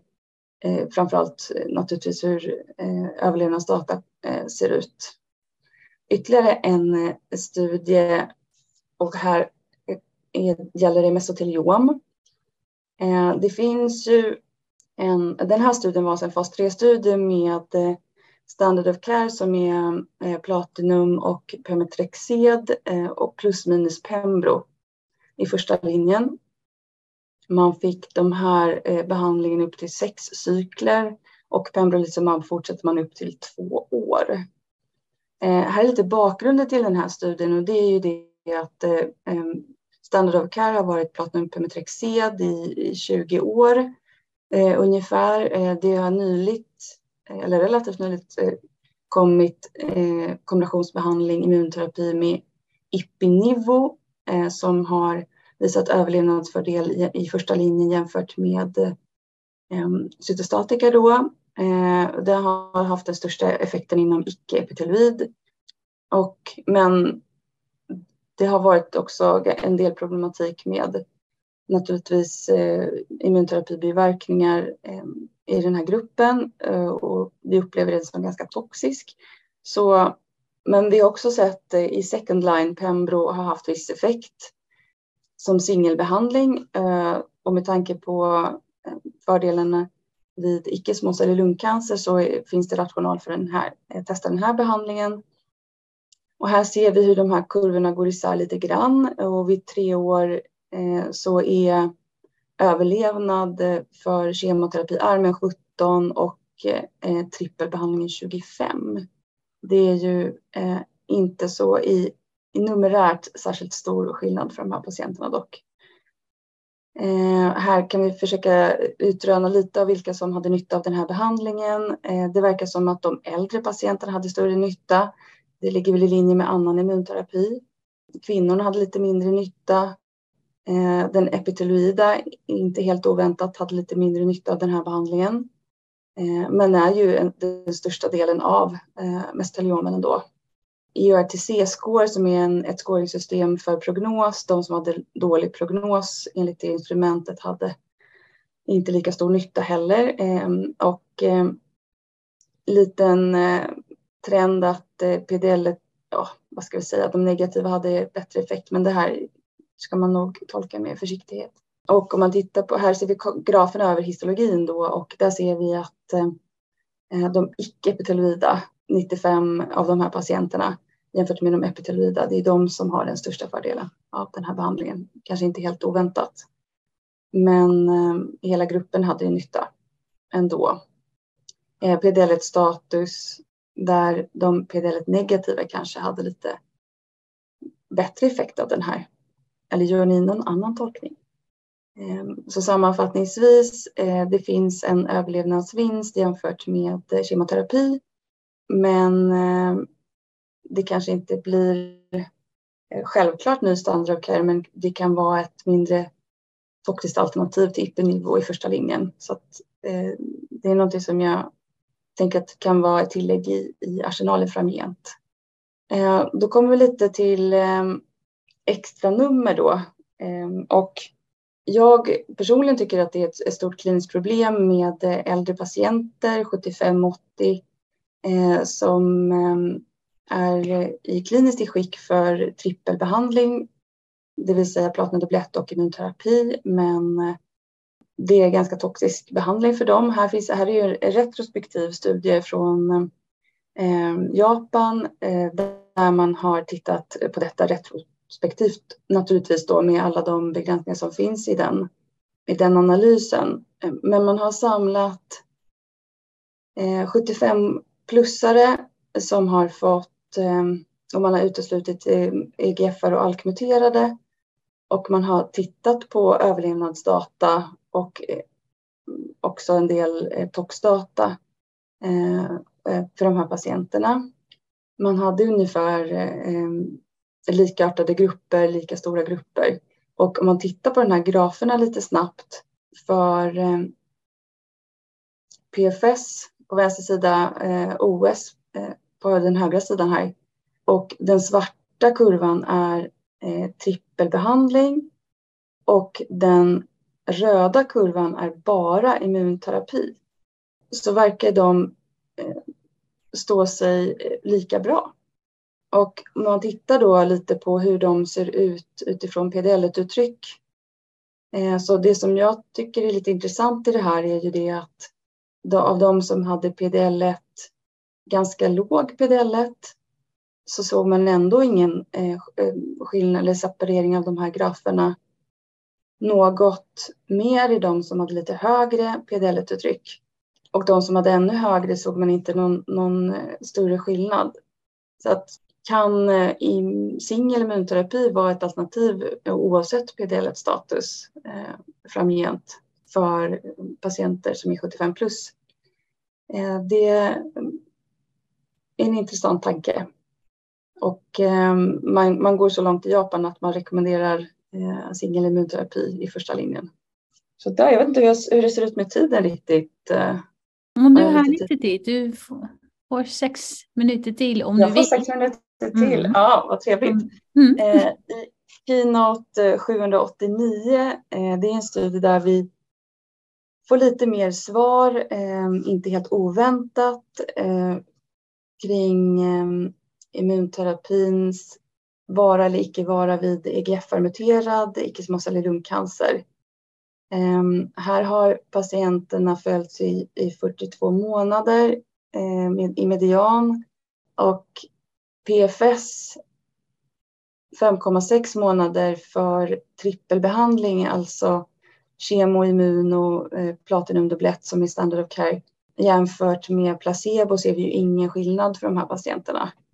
Eh, vi ser inte heller någon skillnad på överlevnad där medianen är 15,9 eh, mot 14,7. Så att det här är väl en bekräftande negativ studie att i nuläget finns det ingenting som säger att vi ska ge eh, trippelbehandling till eh, EGFR-muterade. Eh, så tolkar jag detta. Det, finns, det fanns en liten trend till en fördel för dem med immunterapi för de som var eh, PDL positiva jämfört med de som är PDL negativa. Det är väl inte heller kanske helt oväntat men, men vi kommer att behöva ytterligare tilläggsbehandlingar och nya angreppssätt för den här patientgruppen för att komma åt det här. För att de ska få tillgång till eh, immunterapi. De förhoppningsvis potentiellt positiva effekterna av det i den patientgruppen.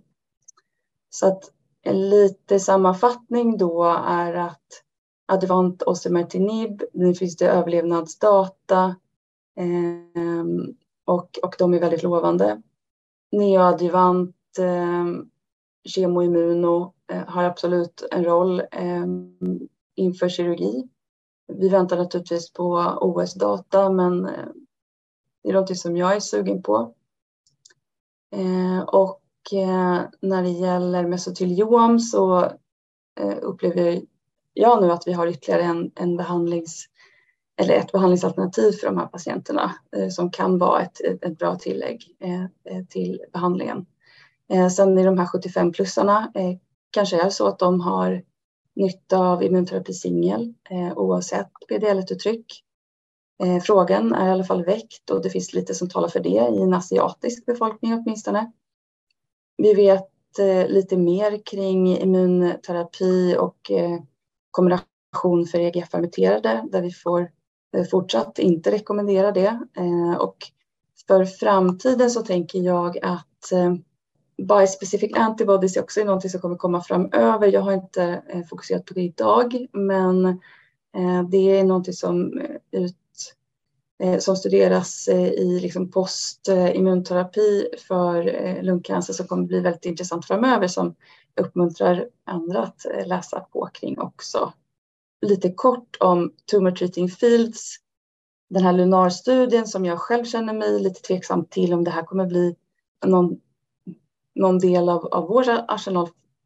I alla fall inte det korta eh, perspektivet. Eh, men det är ju då det är liksom elektriska fält som man placerar med de här eh, klisterlapparna på kroppen, på utsidan. När det gäller lungcancer så gör man en, en specifik, någon slags indikering eh, på eh, röntgenutbredningen och, och man gör en personaliserad placering av de här. Eh, de har ju visat ha viss påverkan positivt för glioblastom och det finns även vissa data på mesteliom.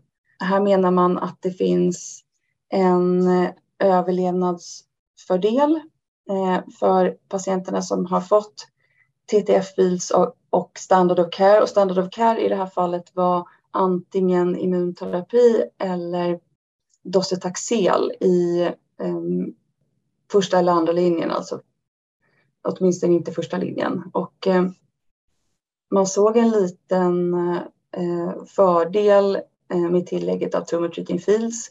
Det verkar vara så att det här, den fördelen finns bara för immunterapi eh, behandlade patienter i princip.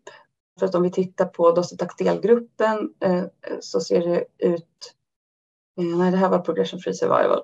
Den har jag verkar ha klistrat, den verkar ha klippts bort, men, men där såg man ingen fördel. Ehm, och det verkar som att eh, det kanske är histologin då, skivepitelhistologi som är där man kan se viss effekt. Vad som är lite problematiskt tycker väl att dostaktelgruppen eh, hade åtminstone nästan 40 procent redan fått immunterapi i tidigare linjer. Så hur ska vi tolka de här resultaten? Men det, det, får vi se framöver. Det kanske är något vi kommer få frågor kring i alla fall i kliniken, eh, tänker jag. Ja, då är jag klar. Tack Hanna. Hur, en, sista fråga innan vi går vidare till Alexander. Hej Alexander.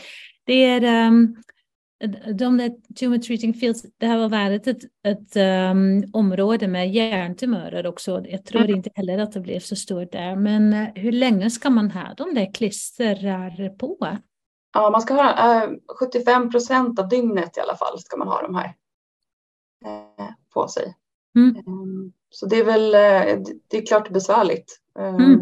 Man ser, såg ju inte, verkar inte heller se någon eh, PFS-fördel, men däremot såg man överlevnadsfördel. Så vad ligger den fördelen i så att säga? Det... Ja. ja. Ja, så är det.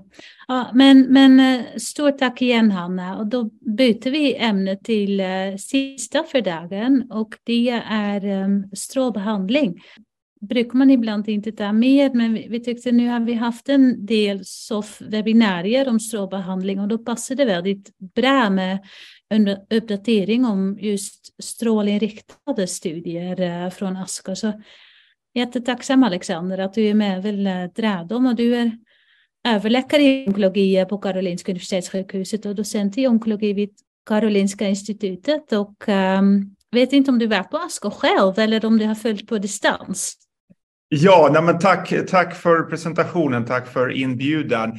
Nej, man brukar eh, eh, säga några ord om sina disclosures på, eh, på, eh, eh på en sån här eh, föreläsning. Jag har inte varit på ASCO 2023. Nej, det har jag inte varit. Däremot så har jag varit på Estro 2023. Så jag hoppas det går bra att jag drar några studier från den konferensen. Istället. Det går utmärkt så, som presenteras på Estro. Och Estro är Europeiska strålmötet eh, som i år ägde rum i Wien i Österrike i mitten på maj. Eh, så det, det kommer några studier därifrån tänkte jag. Och eh, de områdena som jag bevakade framförallt var ju bäckencancertumörer. Och jag tänker eh, presentera några studier på prostata, urinblåsa och rektalcancer är tanken.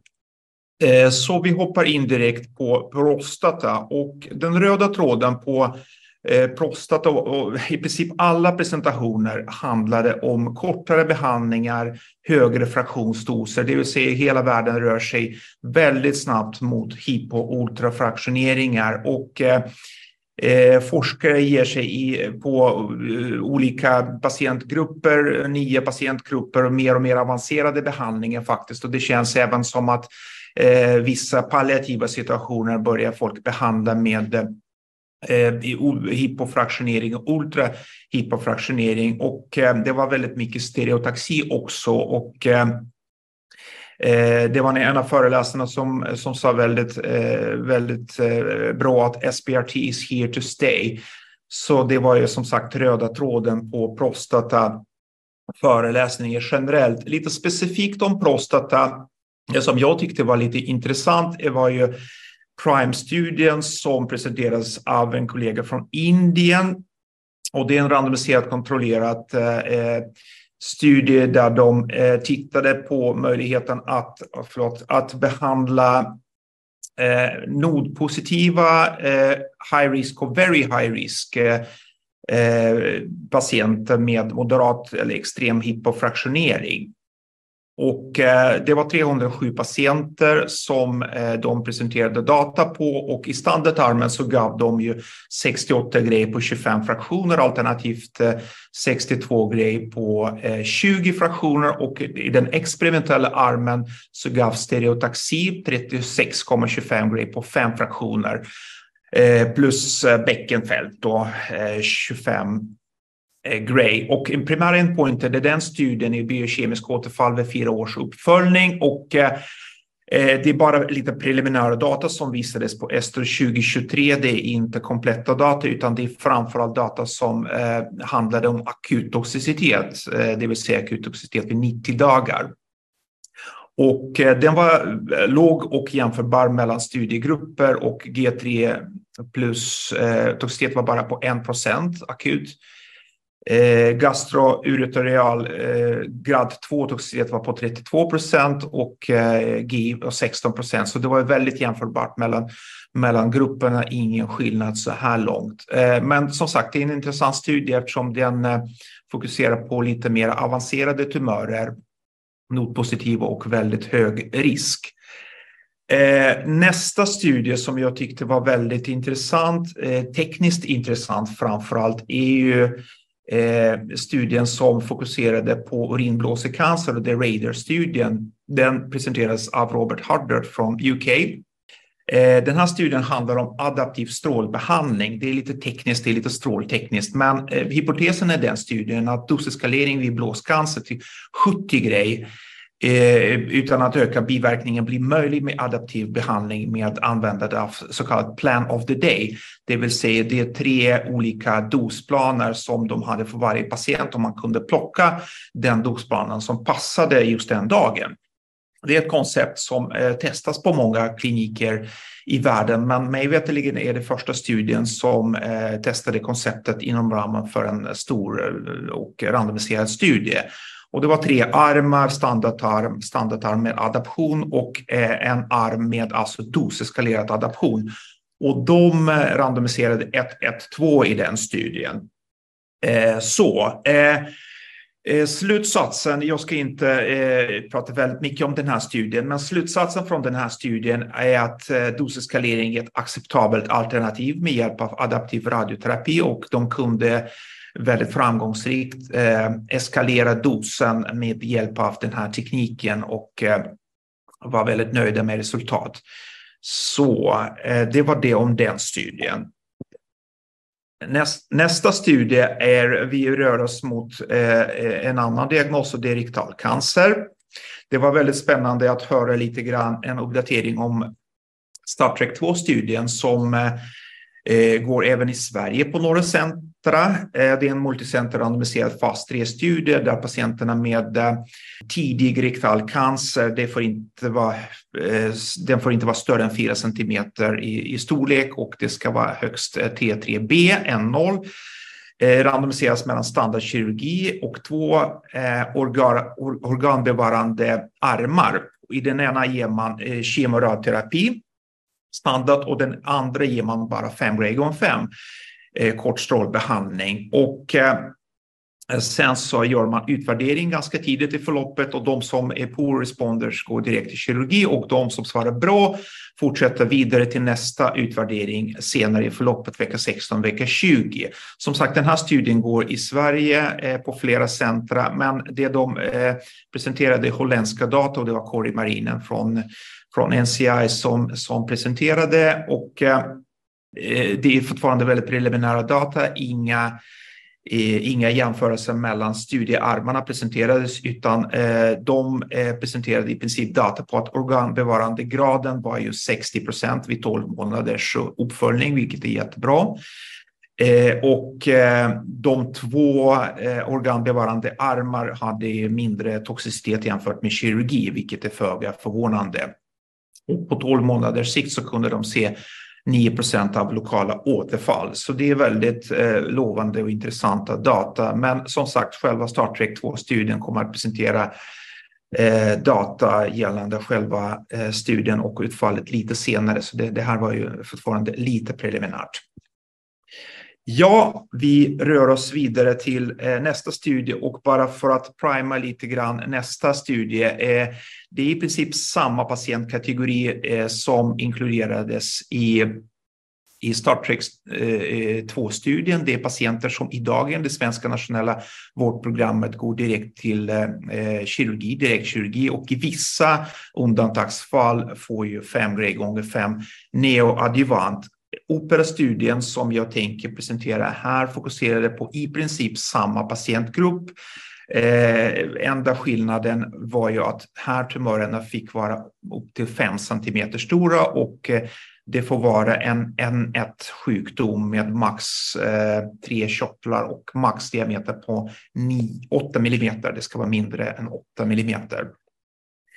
I den här studien så randomiserade man eh, patienter mellan standardarm där man gav kemoterapi, 45 grejer med konkomitant eh, kapacitabin med eh, eh, sekventiell extern strålbehandlingsboost på 9 grejer, så totalt 54 grejer. Eh, det är en standardbehandling och i den experimentella armen så gav de ju kontaktbrachyterapi och det är en väldigt intressant eh, behandlingsmodalitet. Eh, det är en behandling som man ger lokalt eh, med en röntgenapparat eh, som är, levererar väldigt höga doser väldigt lokalt. Eh, och där gav man i princip eh, eh alla patienter 30 grej gånger 3. Det är extremt höga doser men väldigt lokalt. Eh, och på patient, hos patienter med tumörer på mindre än 3 cm så inledde man behandlingen med, eh, eh, eh med, eh, eh, med den brachyterapin, då kontaktbrachyterapin och sen kompletterade med kemoradioterapi och på tumören som var större än 3 cm så gjorde man tvärtom. Man ville krympa dem först och så inledde man behandling med en kemoterapi, eh, CAP45 och sen efter två veckors paus så fortsatte man med eh, tre seanser av eh, kontaktbrachyterapi. Och sen så utvärderingen gjordes eh, mellan vecka 20 och 24 och de som svarade bara partiellt gick vidare till eh, TME-operation och kompletta revisioner eh, antingen följdes inom Watch and Wait eller så var föremål för lokal exekution.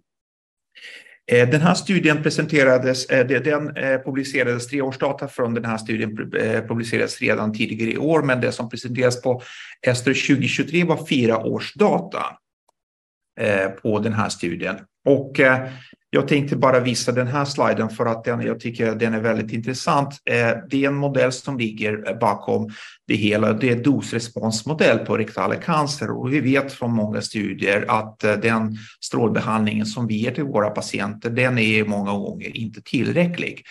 Och det finns en väldigt tydlig dosresponskorrelation mellan dos och respons naturligtvis. Och eh, kontaktbrachyterapin ligger där högst upp. Och det är så här mycket man eh, egentligen behöver ge till de här tumörerna för att uppnå TRG1, det vill säga komplett remission.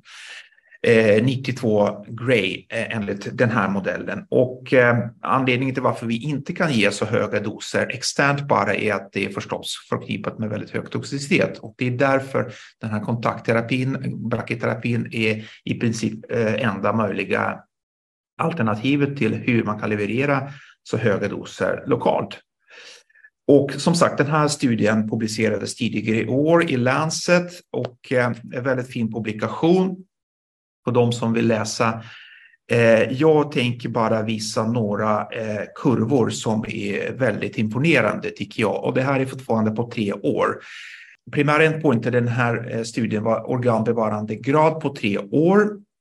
Och om man tittar på, på samtliga patienter i, de här, eh, i den här studien så var ju organbevarandegraden på tre år hela 81 procent i gruppen som fick kontaktbrachyterapi jämfört med 59 procent i, i standardgruppen. Men till höger är en subgruppsanalys där de tittade på patienterna med tumörer eh, mindre än 3 cm i diameter. Och där eh, var skillnaden ännu större. Det är 97 procent i kontaktbrachyterapigruppen kontra 63 procent i eh, standardbehandlingsgruppen. Så det är otroligt imponerande eh, resultat som sagt och det är på tre år. Och det de presenterade på, och det var eh, professor Gerard från Nice som presenterade fyra års data och slutsatsen där är att de goda resultaten då står sig efter fyra år.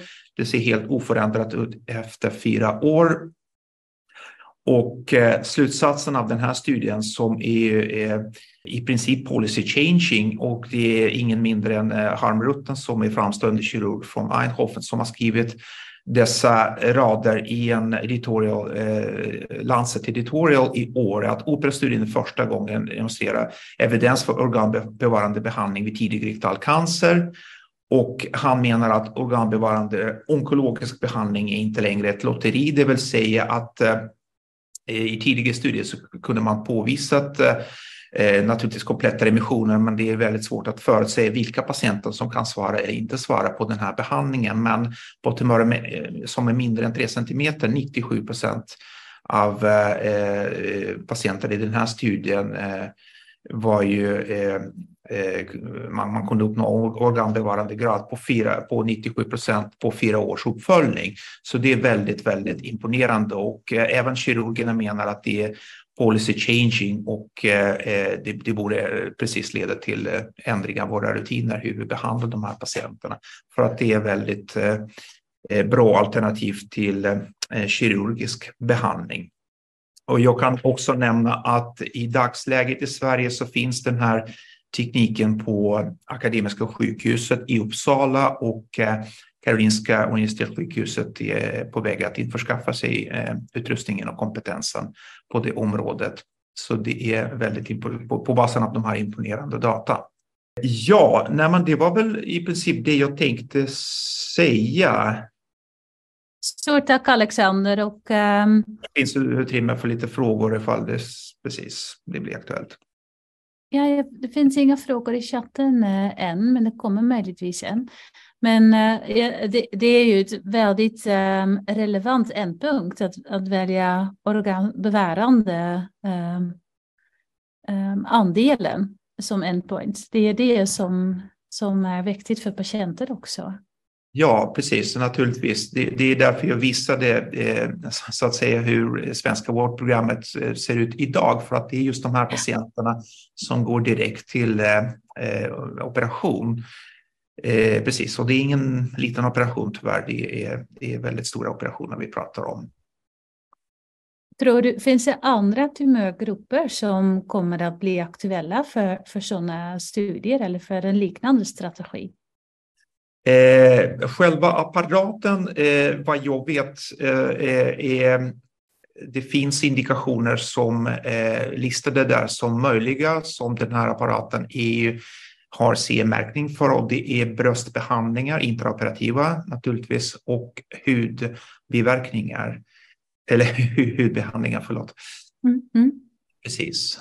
Mm. Så ja, det, det, det, ser väldigt lovande ut. Ja, spännande och mycket relevant. Ja. Men vet, vet ni, jag, jag, jag, tycker att vi kommer att, att vi avslutar mötet nu och um, stort tack igen Alexander och tack ni alla som lyssnade och tittade um, på dagens webinar. Jag hoppas att ni har lärt er någonting, det har jag gjort i alla fall.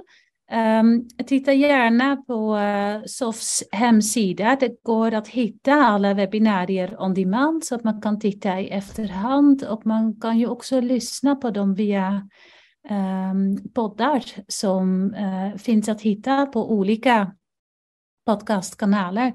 Um, och det finns även andra uh, intressanta och lite roliga poddar att lyssna på.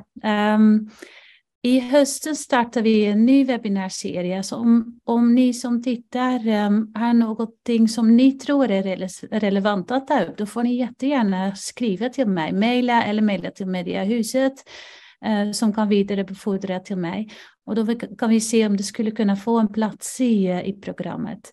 Eh, så, så stort tack ni alla som tittade och lyssnade och stort tack till alla föreläsare och till Mediahuset som eh, organiserade det hela. Och då lämnar jag ordet tillbaka till dig Elin. Tack så mycket Renske. Jag vill också passa på att tacka AstraZeneca, Daiichi Sankyo, Ipsen, Merck, MSD, Novartis, Sanofi, Oxygen och eh, önskar er en fortsatt fin dag. Ha det så bra.